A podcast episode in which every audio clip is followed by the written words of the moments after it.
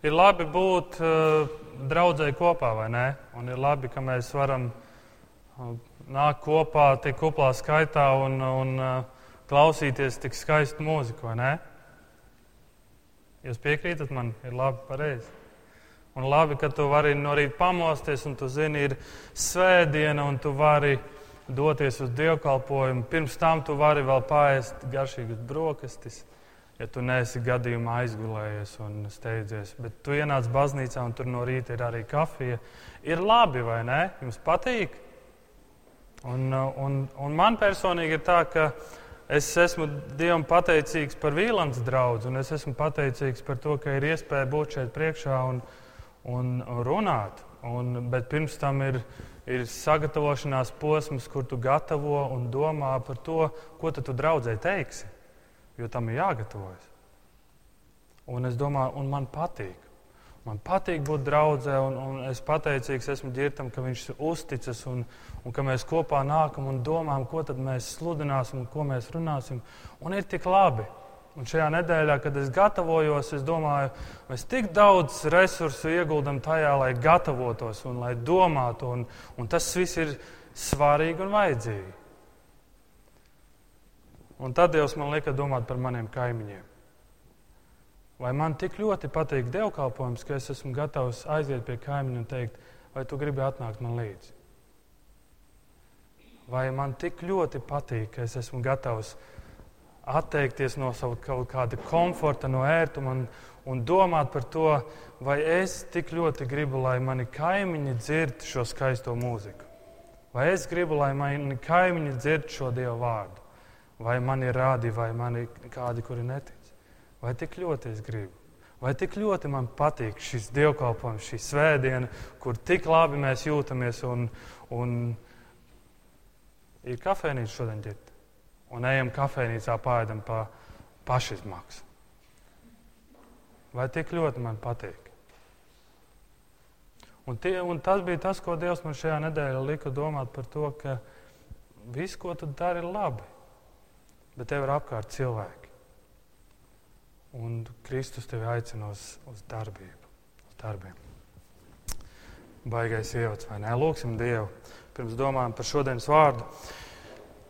Debes Tēvs, paldies par, tiešām paldies par Vīlams draudzi. Un Dievs, paldies par Tavu vārdu. Dievs, paldies, ka Tu mums šodien tik daudz ko atklāji. Un, un šis šodienas vārds uh, Un šī sērija nav viegla sērija, jo tā ir par ciešanām. Ciešanas, kur daudzi no mums pat nezinām, kas tas ir. Kristu, es nezinu, kas tas ir, un es nevaru to iedomāties. Bet es lūdzu, ka, tu, ka mēs varam mācīties šodien kaut ko priekš sevis. Es lūdzu, ka mēs tavā vārdā varam skatīties kā spogulī un jautāt sev, Kristu, ko man mainīt ja kā man darīt lietas, kā man attiekties pret lietām. Ak, lūdzu, runā uz mums. Ak, lūdzu, pagodinies tu un palīdz, ka mūsu dzīves būtu kā tāds patīkama mūzika, patīkama skaņa tev, kungs. Jā, svētī mūs un runā uz mums šodien. Tavā vārdā. Āmen. Tātad esam sērijā draudzē. Šī ir otrā reize. Un jūs šeit redzat eh, karti priekšā, kas jau bija pagājušā reizē. Un jūs redzat, ka ir kāda vēstule, ko Jānis saņem Patmas salā. To viņš saņem caur vīziju, un Kristus viņam diktē vēstuli draudzēm. Un mums ir tā privilēģija, ka mums šīs vēstules ir pieejamas un zināmas, un mēs zinām, ko Kristus ir diktējis. Un pagājušajā mēs bijām Efezā un dodamies uz ziemeļiem, un kas tur rakstīts? Smirna. Esam pie Smirnas draudzes, un pagājušajā reizē Efezas draudzēji Kristus saka kādus stingrus vārdus. Kristus saka, ka es zinu, kāda tu esi draudzene, es zinu tavus darbus. bet man ir kaut kas pret tevi.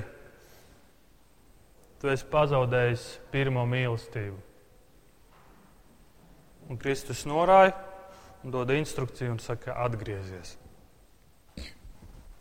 Un pēc tam mēs dodamies uz Smirnas draugu. Tā lieta, ko arī pagājušajā Markus minēja, ka tā ir ļoti svarīga lieta, ka draudzene pieder Kristum. Un atklāsmes grāmatas otrajā nodaļā, pašā sākumā mēs lasām, tā saka tas, kas tur septiņas zvaigznes savā labajā rokā un kas staigā starp septiņiem zelta gaismekļiem. Tās ir viņa draudzes. Viņš staigā kā pa tādu dārzu. Viņš staigā starp savām draudzēm, un viņš zina savas draudzes. Vecajā derībā parādīts, kā Dievs staigā savā dārzā, kuru viņš ir radījis. Tā ir, tas ir viņa dārzs, tā ir viņa draudzene. Bet salīdzinājumā ar pagājušo reizi Smirnas draudzēji Kristus saka kādu citu vēstījumu. Un, uh, tas aicinājums vienmēr ir, kad mēs ejam cauri uh, kādai svētdienas sērijai. Aicinājums ir, ka jūs lasiet vienmēr to grāmatu, kurai mēs ejam cauri. Un, un es ļoti ceru, ka jums ir līdzi Bībeles, jo tas palīdz koncentrēties un kādas lietas atcerēties. Un es aicinu, ka mēs varam atšķirt atklāsmes grāmatas otro nodaļu un lasīsim tos vārdus, ko Kristus saka Smirnas draudzē, no 8. līdz 11. pantam. Atklāsmes grāmata otrā nodaļa, 8 līdz 11. Un Smirnas draudzes eņģelim raksti. Tā saka pirmais un pēdējais, kas bija miris un atkal ir dzīvs. Es zinu par tavām ciešanām un nabadzību bet tu esi bagāts. Un zinu, ka tevi zaimojuši tie, kas sevi sauc par jūdiem. Kaut tādi nav, bet ir sātana sinagoga. Nebīsties no tā, kas tev būs jāizcieš. Redzi, vēlns iemetīs kādus no jums cietumā, lai jūs tiktu pārbaudīti, un jums būs jācieš desmit dienas. Esi uzticams līdz nāvei, un es tev došu dzīvības vainagu, kam ausis, lai dzird, ko gars saka draudzēm. Kas uzvarēs, tiem otrā nāve nenodarīs ļaunumu. Kristus vēstuli Smirnas draudzē. Tātad Smirna ir nelielā attālumā no Efezes. Tā ir maza pilsēta, tā ir sava osta. Tā ir Romas kolonija. Šai pilsētā tiek uzcelts pirmais templis, kas tiek celts Tibērijam. Un tiek apgalvots, ka Smirna ir arī pazīstamā grieķu rakstnieka Homēra dzimšanas vieta. Tā ir svarīga un nozīmīga vieta. Tagadējā Turcijas pilsēta Izmir. Tā ir skaista vieta, un tā ir Smirna ir ievērojama ar savu ilglaicīgo lojalitāti uzticamību Romai. Bet tā situācija Smirnas draudzē ir tāda, ka šī draudzene piedzīvo vajāšanas.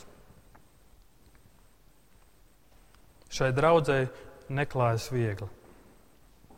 Tā ir laikā, kad Filadelfijā notiek lielas kristiešu vajāšanas, sagūstītos kristiešus ved uz Smirnu un teātra arēnās viņus noliek cilvēku priekšā un, saka, un aicina atteikties no savas ticības. Pretējā gadījumā viņi mirs. Un mums šodien ir arī pieejams eh, senākais dokuments par kristiešu mocekļiem un, un par tādu vīru vārdā Polikarps. Polikarps ir vīrs, dieva vīrs, kurš bija Smirnas draudzes bīskaps. Un šis šis vīrs saņem uzdevumu rūpēties par kristiešiem šajā draudzē, un ne tikai Smirnā, bet arī Antiohijā. Un Polikarps ir dedzīgs Kristus sekotājs, un viņš karsti iestājas pret maldu mācībām. Un šis Polikarps ir viens no svētējiem, kurš miris mocekļu nāvē.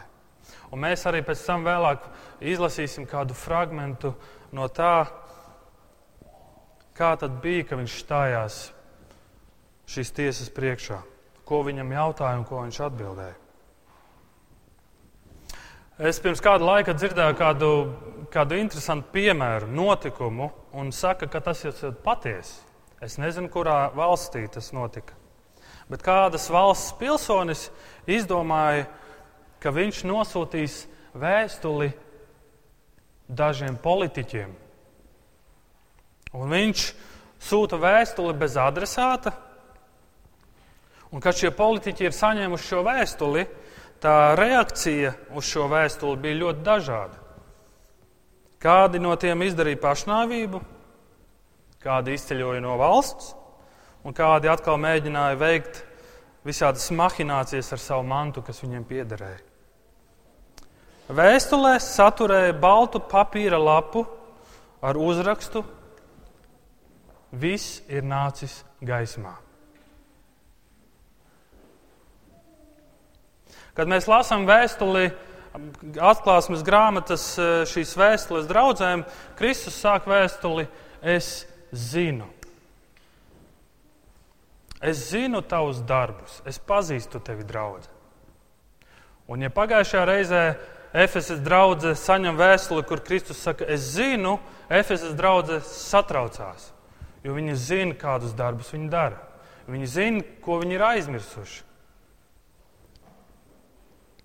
Bet šodien, kad Kristus saka Smirnas draudzēji, es zinu tevi, es zinu tavu situāciju, es zinu tavas ciešanas, es zinu tavu nabadzību, tad draudzē jūtas iedrošināta, jo viņi saka, Kristus zina. Mans kungs to zina. Un arī Kristus šodien saka, es zinu tavu dzīvi, tavus darbus, tavus motīvus un varbūt tavas ciešanas. Jēzus zina. Un kad šodien Kristus saka tev, es zinu tavu dzīvi, tas tev liek satraukties, vai tas tev liek justies iedrošinātam? Jēzus zina Smirnas draudzes situāciju, tāpēc vēstule sākas ar atgādinājumu: Es esmu pirmais un pēdējais. Es biju miris un atkal dzīvs. Un Kristus saka, ka es arī miru, bet es, es augšām cēlos. Un mēs vēl redzam, ka Smirnas draudzē ir Kristus saka, tu esi, es zinu par tavām ciešanām un nabadzību, bet tu esi bagāts. Un, un nevis viņi ir nabagi tāpēc, ka Smirnas draudzē ir bats vai ekonomiskā krīze. Tā noteikti nav. Bet Smirnas kristieši mēs redzam, ka cieš no tādas materiālās nabadzības. Viņi ir nabagi. Un varētu jautāt, un varētu domāt, kāpēc tā ir. Iespējams, ka viņu īpašumi tika konfiscēti. Mēs to precīzi nezinām, bet tajā laikā tādas lietas notika. Un daudzi darījumi nevarēja notikt, un tika, bija daudz zaudējumu, jo tajā laikā būt biznesā ar kādu no citiem nozīmēja pielūgt citus dievus. Tas nozīmē, tev bija jābūt daļai no kaut kādas grupas, kur viņi nāca kopā pie viena galda, un šis ēdiens, šī maltīte bija par godu kādam no viņu dieviem. Un tajā laikā tirgotājiem bija savi dievi, kas bija kāda tāda drošības pazīme par to, ka mans bizness būs drošībā. Un tad šiem kristiešiem bija izvēle, ko darīt. Vai nu pielūgt, vai būt šajā, pielūgt šo selku dievus, vai nē.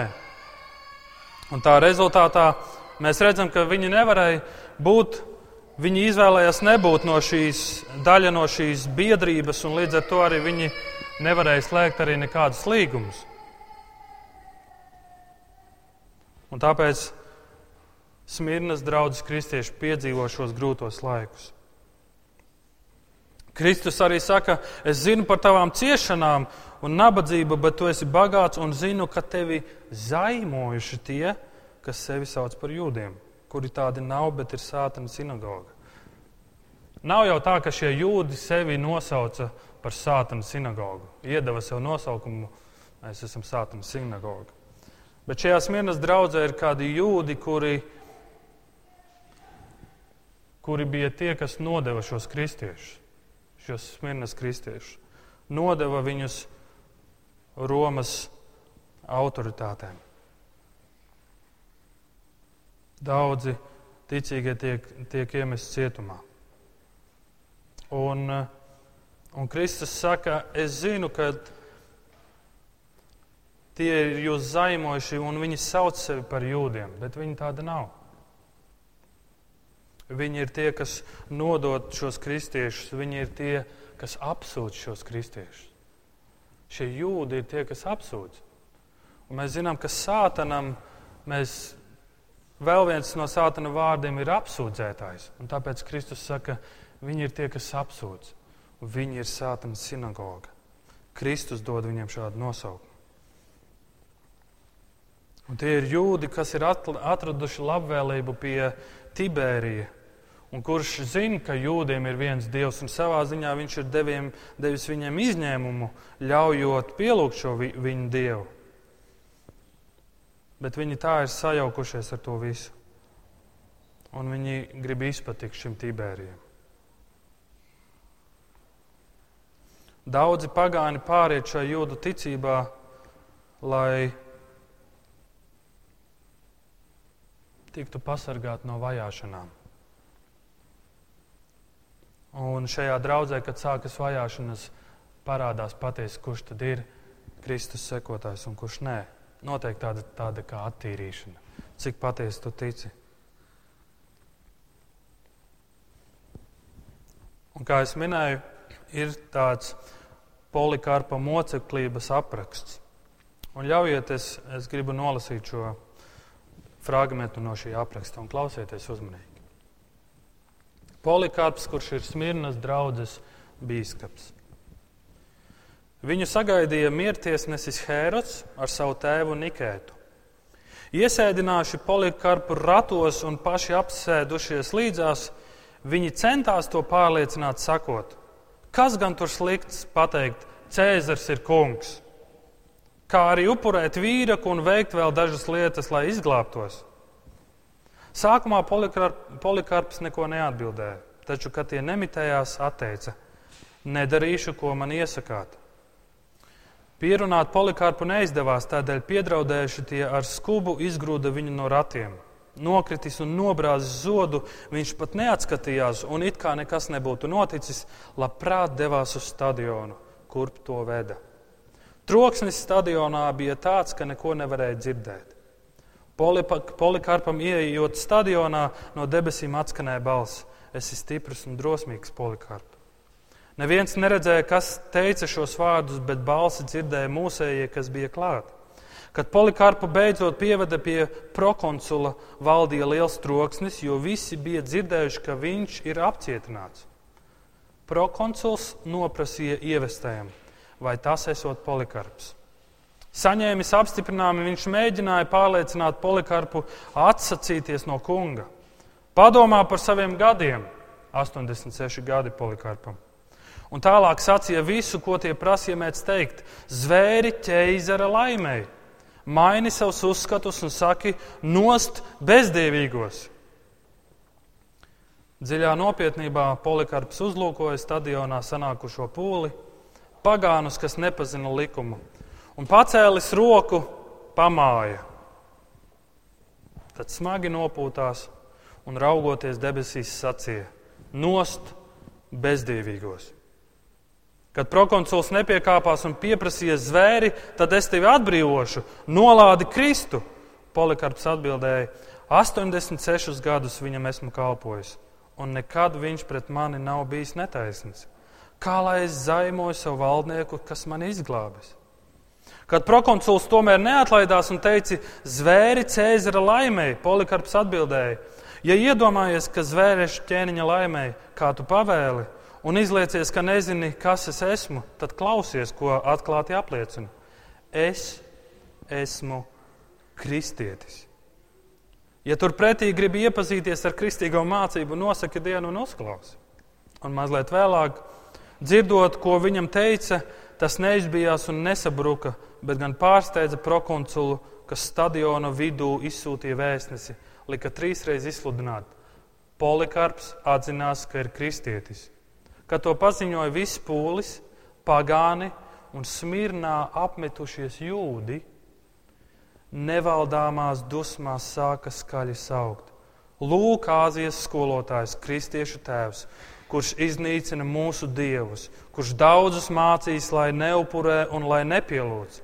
Klaigājot un saucot, viņi pieprasīja, lai Polikarpu Āzijas apgabala pārvaldnieks Filips atdotu lauvām saplosīšanai.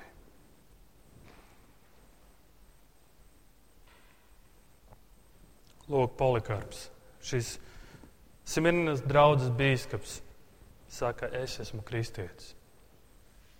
Es esmu kristietis. Cik spēcīgiem vārdiem tiem būtu jābūt, vai ne? Efezas draudzē Jēzus pasaka diagnozi, es zinu tavus darbus un dod instrukciju atgriezies. Smirnas draudzē Jēzus pasaka diagnozi, es zinu tavas ciešanas un nabadzību. Un desmitajā pantā viņš dod instrukciju, nebīsties, neuztraucies. Es zinu, neuztraucies. Neuztraucies par to, kas tev būs jāizcieš. Un Jēzus saka, un būs vēl lielākas ciešanas. Bet neuztraucies. Tās būs desmit dienas. Un tagad mēs lasām un atklāsmes grāmatā daudz ir visādi skaitļi un cilvēkiem dažādi cilvēki mēdz dažādi manipulēt. Un kas tad ir šīs desmit dienas? Daži saka, tas ir ļoti ilgs laiks, daži saka, tas ir ļoti īss laiks. Un dažādi cilvēki ar šo ciparu manipulē. Un mēs īsti nezinām. Tas, ko mēs zinām, ka tas ir noteikts skaitlis, un Kristus to skaitli zina. Un kādi arī šo ciparu desmit saistā ar Daniela grāmatā rakstīto? Kad Daniels ir, kas aprakstīts pirmajā nodaļā, Daniels un viņa draugi, kas atrodas Babilonijā, viņi ir trimdā. Un viņi ir svešā, starp svešu tautu, kur ir daudz elku dievu, un viņiem liek priekšā ēdienu. Un viņi saprot, ja viņi to darīs, tad viņi pielūgs citus dievus. Viņi būs daļa no šīs elgdievības. Un Daniels saka, pārbaudi mūs un dod mums desmit dienas, mēs dzersim ūdeni un ēdīsim tikai augļus. Un citi saista šo ar šo notikumu, kas savā ziņā ir ļoti, ļoti kontekstā līdzīgs. Bet Kristus saka, būs lielākas ciešanas. Tās būs desmit dienas.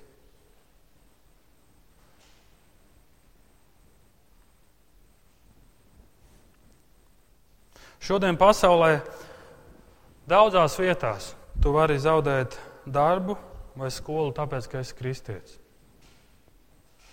Eiropā tas notiek daudz retāk, bet ir gadījumi, kad tas notiek. Un iespējams, tāpēc mēs arī domājam par tādām vajāšanām, ciešanām, mēs tā ļoti neuztraucamies. Un tā ļoti nebeidamies par tagadni. Bet reizēm ir tā, ka mēs sākam domāt par nākotni un mēs sākam baidīties. Bet kas būs, ja tas notiks? Un kas būs, ja būs vajāšanas un ja tās būs gadu, desmit, trīsdesmit? Es pazaudēšu savu pensiju. Vai, vai ko tik es nevaru pazaudēt? Un, un ir tā, ka bailes par nākotni ir daudz spēcīgākas par bailēm tagadnē. Bet Kristus saka Smirnas draudzēji, nebaidies par to, kas notiks. Es esmu pirmais un pēdējais. Nebaidies. Un jūs atcerieties, mēs šorīt eh, lasījām, eh, lasīja no Jāņa 14. nodaļas. Un Kristus saka, neuztrauciet, ticiet Dievam un ticiet man. Neuztraucies. Tici man. Un Kristus dod divus iemeslus, kāpēc tev nav jābīstas. Pirmais iemesls ir, redzi, vēlns iemetīs kādus no jums cietumā, lai jūs tiktu pārbaudīti, un jums būs jācieš desmit dienas. Ciešanas nebūs ilgstošas. Un otrais iemesls esi uzticams līdz nāvei, un es tev došu dzīvības vainagu. Es tev došu dzīvības vainagu. Tev būs mūžīgā dzīvība. Un šajā tekstā mēs redzam, ka Kristus nesaka, ka ciešanas būs desmit dienas, un tad jūs atbrīvos. Vai ne? Tur tā nav rakstīts. Ciešanu rezultāts var arī būt nāve.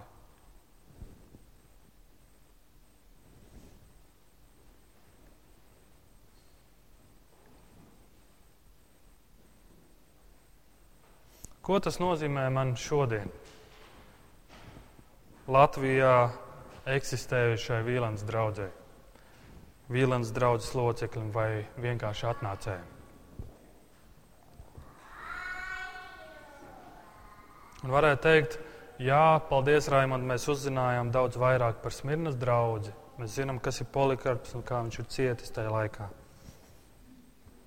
Bet mēs nākam kopā, esam sadraudzībā, ejam uz kafejnīcu, katru svētdienu dziedam dziesmas, varam brīvi dzīvot, paklausīt Dieva vārdam. Mums ir tāda brīvība.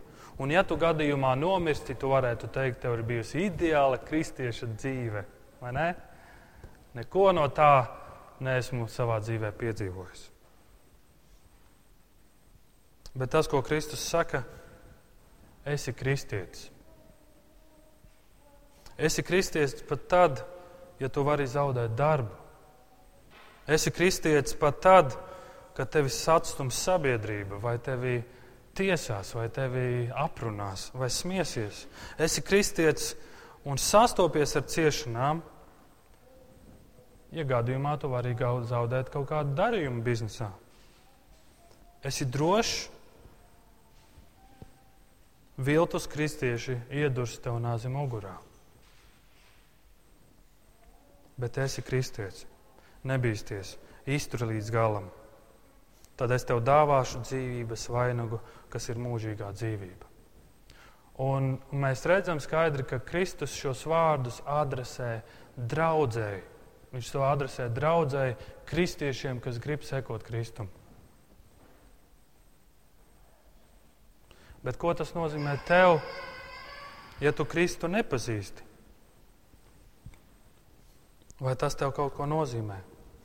Un Kristus saka, ka tie, kas man uzticas, un tie, kas pastāv līdz galam, tie, kas seko man, pieņem mani, dzīvo ar mani, tiem es došu šo dzīvības vainagu. Tajā laikā Smirnā iespējams bija kādas sporta spēles, kur kā uzvarētājiem deva vainagu. Kristus šeit nerunā par kaut kādu kroni, kur, ko viņš tev uzvilks. Bet šis dzīvības vainags ir mūžīgā dzīvība. Un Kristus Smirnas draudzē, kas ir ciešanās, atgādina un visiem apkārtējiem, kas ir apkārt. Un tas, ko Polikarps arī saka, kristieša dzīve nebeidzas ar nāvi.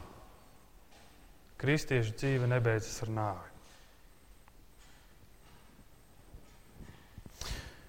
Ko šī vēstule varētu mums šodien teikt, un ko tā mums saka? Un iespējams, tu šobrīd uz savu dzīvi skaties un saproti, ir daudz lietas, kas man jāmaina. Man jābūt drosmīgākam. Kādai būtu jābūt manai lūkšanai dzīvei? Un vai mana dzīve ir tikai par mani un par manām vajadzībām, par to, cik daudz man ir un par to, cik daudz es varu sakrāt? Bet mēs redzam, ka šie vārdi ir iedrošinājums visiem tiem kristiešiem, kas ir ciešanās un vajāšanās savas ticības dēļ. Un šodien šajā 21. gadsimta pasaulē ir ļoti daudz kristiešu, kur ir ciešanās. Un kuriem šie vārdi būtu kā liels, liels iedrošinājums.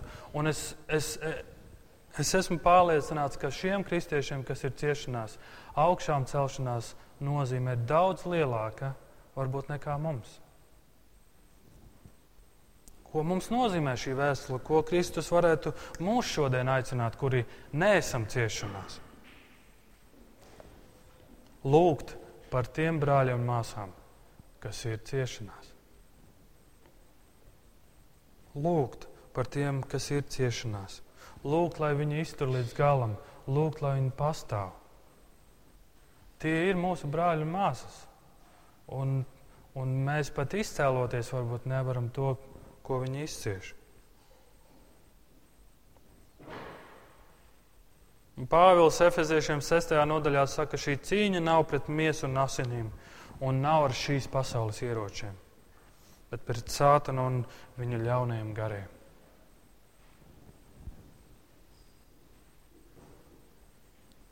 Lūgt par tiem, kas ir ciešanās. Un Kristus saka, es zinu tavu dzīvi es zinu tavus darbus, es zinu tavas ciešanas, bet uzticies, nebaidies. Es esmu pirmais un pēdējais. Manās rokās ir viss. Veltīsim laiku lūkšanai.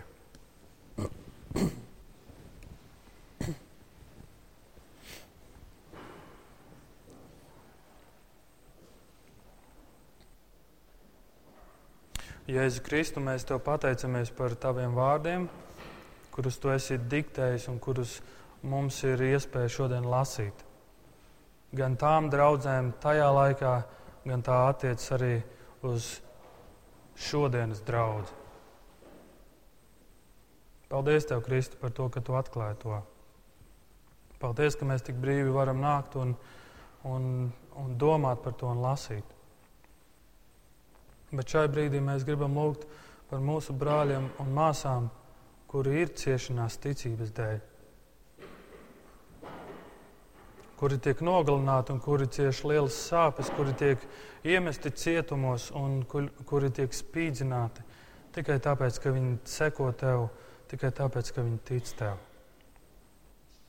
Mēs lūdzam par viņiem, stiprini viņus, palīdz viņiem pastāvēt līdz galam un palīdz viņam vienmēr lūkoties uz tevi un iedrošināt vienam otru un atgādini viņiem savus vārdus.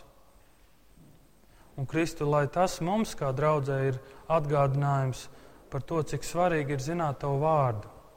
Un palīdz, ka mēs katru dienu no tā smeļamies, atkārtojam, lai mēs to mācāmies un ka mēs apzināmies, cik tas ir svarīgs. Paldies par to, ka mūsu valstī nav ciešanas un par, par to, ka mums ir tāda brīvība iet un sludināt. Ak, palīdzi man, palīdzi mums kā draudzēji, mums ikvienam, ka mēs izmantojam šo brīvību, ka mums sāp sirds par mūsu kaimiņiem, par mūsu kolēģiem, par, par mūsu draugiem, kas tevi nepazīst. Ka mēs esam tie drosmīgie, kas iet un, un apliecina tevi. Ka mums nav kauns teikt, ka es esmu kristietis. Un ka mums nav kauns runāt par to un Palīdz, ka mēs runājam par to. Jēzu, palīdz mums. Palīdz mums būt taviem lieciniekiem, būt tik drosmīgiem, teikt, nāc uz dievkalpojumu kopā ar mani. Es gribu, lai tu redzi to, lai tu dzirdi to, ko dzirdu es. Mēs lūdzam Dievs, uh, vadi Vīlāns draugu, un, un tu zini mūsu draugu, un runā uz mums, parādi mums lietas, kas mums jāmaina, un tīri mūsu ka mēs esam tīra draudzene. Tīri mūsu Kristu. Paldies par Tavu žēlstību, par šo žēlstības laiku. Paldies par Tavu vārdu un lieto mūsu. Jēzus vārdā. Āmen.